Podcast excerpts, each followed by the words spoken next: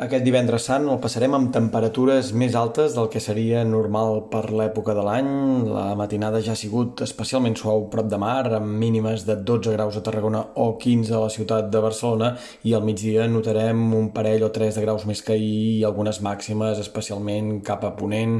a les Terres de l'Ebre, on punts del prelitoral podran arribar fins i tot a superar els 25 o 26 graus. Una jornada càlida i amb més sol que núvols circularan durant el matí alguns alguns intervals de núvols prims i a la tarda creixeran nuvolades en punts de muntanya que tot estirar deixaran escapar algun ruixat de caràcter aïllat al Prepirineu lleidatà. Per demà i el que resta de pont, jornades bàsicament assolellades, pocs núvols, temperatures que demà encara podrien repuntar un pèl més de cara a diumenge i dilluns, en canvi el mercuri recularà ben bé 4 o 5 graus.